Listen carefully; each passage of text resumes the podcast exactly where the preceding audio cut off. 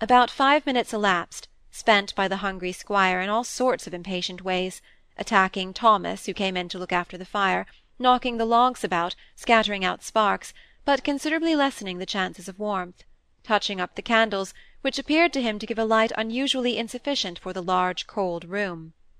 While he was doing this, Osborne came in dressed in full evening dress. He always moved slowly, and this, to begin with, irritated the squire.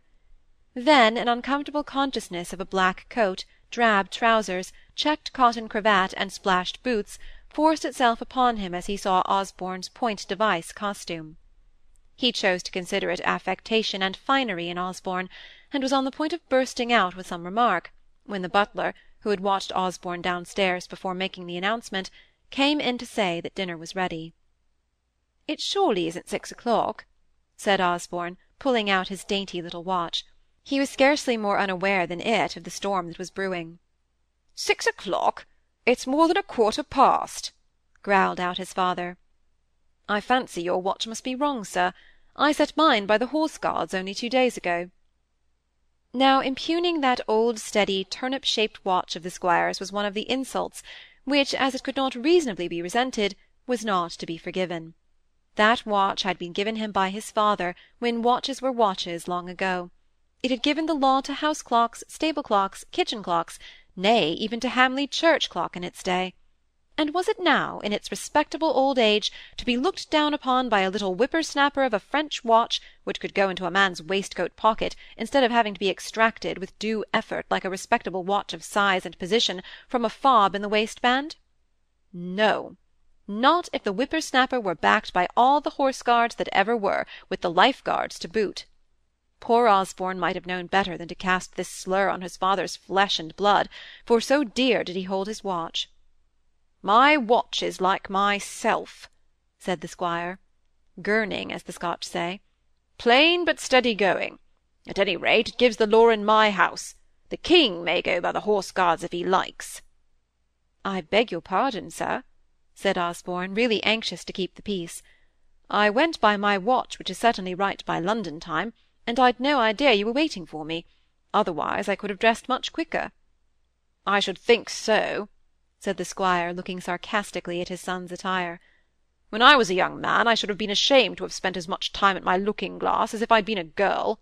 I could make myself as smart as any one when I was going to a dance, or to a party where I was likely to meet pretty girls, but I should have laughed at myself to scorn if I'd stood fiddle-faddling at a glass, smirking at my own likeness, all for my own pleasure." Osborne reddened and was on the point of letting fly some caustic remark of his father's dress at the present moment, but he contented himself with saying in a low voice, "My mother always expected us all to dress for dinner. I got into the habit of doing it to please her, and I keep it up now." Indeed, he had a certain kind of feeling of loyalty to her memory in keeping up all the little domestic habits and customs she had instituted or preferred. But the contrast which the squire thought was implied by Osborne's remark put him beside himself. And I, too, try to attend to her wishes. I do, and in more important things. I did when she was alive, and I do so now." "I never said you did not," said Osborne, astonished at his father's passionate words and manner. "Yes, you did, sir. You meant it, I could see by your looks. I saw you look at my morning coat. At any rate, I never neglected any wish of hers in her lifetime. If she'd wished me to go to school again and learn my A B C, I would. My God, I would! That I wouldn't have gone playing me, and lounging away my time, for fear of vexing and disappointing her. Yet some folks older than schoolboys—" The squire choked here, but though the words would not come, his passion did not diminish. "I'll not have you casting up your mother's wishes to me, sir, you who went near to break her heart at last." Osborne was strongly tempted to get up and leave the room. Perhaps it would have been better if he had. It might then have brought about an explanation, and a reconciliation between father and son. But he thought he did well in sitting still and appearing to take no notice. This indifference to what he was saying appeared to annoy the squire still more, and he kept on grumbling and talking to himself, till Osborne, unable to bear it any longer, said very quietly, but very bitterly, "I am only a cause of irritation to you, and home is no longer home to me, but a place in which I am to be controlled in trifles, and scolded about trifles as if I were a child. Put me in a way of making a living for myself, That much your eldest son has a right to ask of you. I will then leave this house, and you shall no longer be vexed by my dress or my want of punctuality. You make your request pretty much as another son did long ago. Give me the portion that falleth to me. But I don't think what he did with his money is much encouragement for me to then the thought of how little he could give his son his portion, or any part of it, stopped the squire. Osborne took up the speech. I'm as ready as any man to earn my living, only the preparation for any profession will cost money, and money I haven't got. No more have I, said the squire shortly. What is to be done, then? said Osborne, only half believing his father's words. Why, you must learn to stop at home, and not take expensive journeys, and you must reduce your tailor's bill. I don't ask you to help me in the management of the land. You're far too fine a gentleman for that. But if you can't earn money, at least you needn't spend it. I told you I'm willing enough to earn money, cried Osborne passionately at last. But how am I to do it? You really are very unreasonable, sir. Am I? said the squire, cooling in manner, though not in temper, as Osborne grew warm. But I don't set up for being reasonable. Men who have to pay away money that they haven't got for their extravagant sons aren't likely to be reasonable.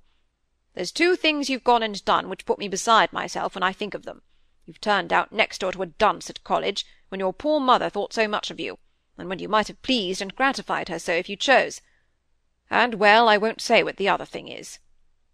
Tell me, sir, said Osborne, almost breathless with the idea that his father had discovered his secret marriage, but the father was thinking of the money-lenders, who were calculating how soon Osborne would come into the estate.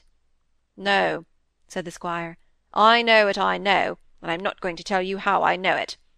Only I'll just say this. Your friends no more know a good piece of timber when they see it than you or I know how you could earn five pounds if it was to keep you from starving. Now there's Roger, we none of us made an ado about him, but he'll have his fellowship now, I'll warrant him, and be a bishop, or a chancellor or something, before we've found out he's clever. We've been so much taken up thinking about you. I don't know what's come over me to speak of we. We in this way, said he, suddenly dropping his voice, a change of tone as sad as sad could be. I ought to say I. It will be I, for evermore in this world. He got up and left the room in quick haste, knocking over his chair and not stopping to pick it up.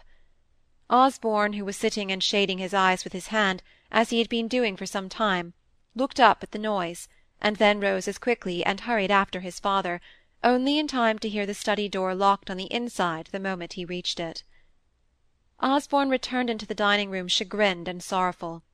But he was always sensitive to any omission of the usual observances which might excite remark, and even with his heavy heart he was careful to pick up the fallen chair and restore it to its place near the bottom of the table and afterwards so as to disturb the dishes as to make it appear that they had been touched, before ringing for Robinson. When the latter came in, followed by Thomas, Osborne thought it necessary to say to him that his father was not well, and had gone early into the study, and that he himself wanted no dessert, but would have a cup of coffee in the drawing-room. The old butler sent Thomas out of the room, and came up confidentially to Osborne. I thought master wasn't justly himself, Mr. Osborne, before dinner and therefore I made excuses for him, I did. He spoke to Thomas about the fire, sir, which is a thing I could in no wise put up with, unless by reason of sickness, which I am always ready to make allowances for. Why shouldn't my father speak to Thomas? said Osborne. But perhaps he spoke angrily, I dare say, for I'm sure he's not well. No, Mr. Osborne, it wasn't that.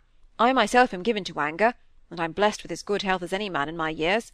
Besides, anger's a good thing for Thomas. He needs a great deal of it but it should come from the right quarter, and that is me, myself, Mr. Osborne. I know my place, and I know my rights and duties as well as any butler that lives, and it's my duty to scold Thomas, and not master's. Master ought to have said, Robinson, you must speak to Thomas about letting out the fire, and I'd have given him well, and I shall do now, for that matter. But as I said before, I make excuses for master, as being in mental distress and bodily ill health, so I've brought myself round not to give warning, as I should have done, for certain under happier circumstances. Really, Robinson, I think it's all great nonsense, said Osborne, weary of the long story the butler had told him, and to which he had not half attended. What in the world does it signify whether my father speaks to you or to Thomas? Bring me coffee in the drawing-room, and don't trouble your head any more about scolding Thomas. Robinson went away offended at his grievance being called nonsense. He kept muttering to himself in the intervals of scolding Thomas, and saying, "Things is a deal changed since poor missis went. I don't wonder master feels it, for I'm sure I do. She was a lady who had always becoming respect for a butler's position, and could have understood how he might be hurt in his mind. She'd never have called his delicacies of feelings nonsense, not she. No more would Mr. Roger. He's a merry young gentleman, and over fond of bringing dirty, slimy creatures into the house, but he's always a kind word for a man who is hurt in his mind. He'd cheer up the squire, and keep him from getting so cross and wilful. I wish Mr. Roger was here. I do."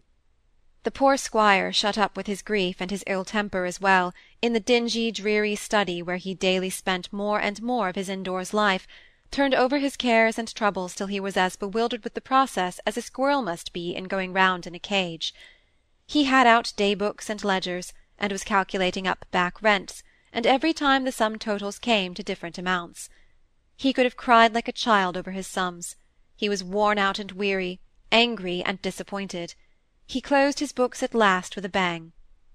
"I'm getting old," he said, "and my head's less clear than it used to be.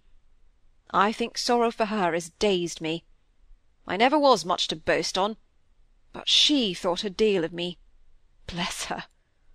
She'd never let me call myself stupid, but for all that I am stupid.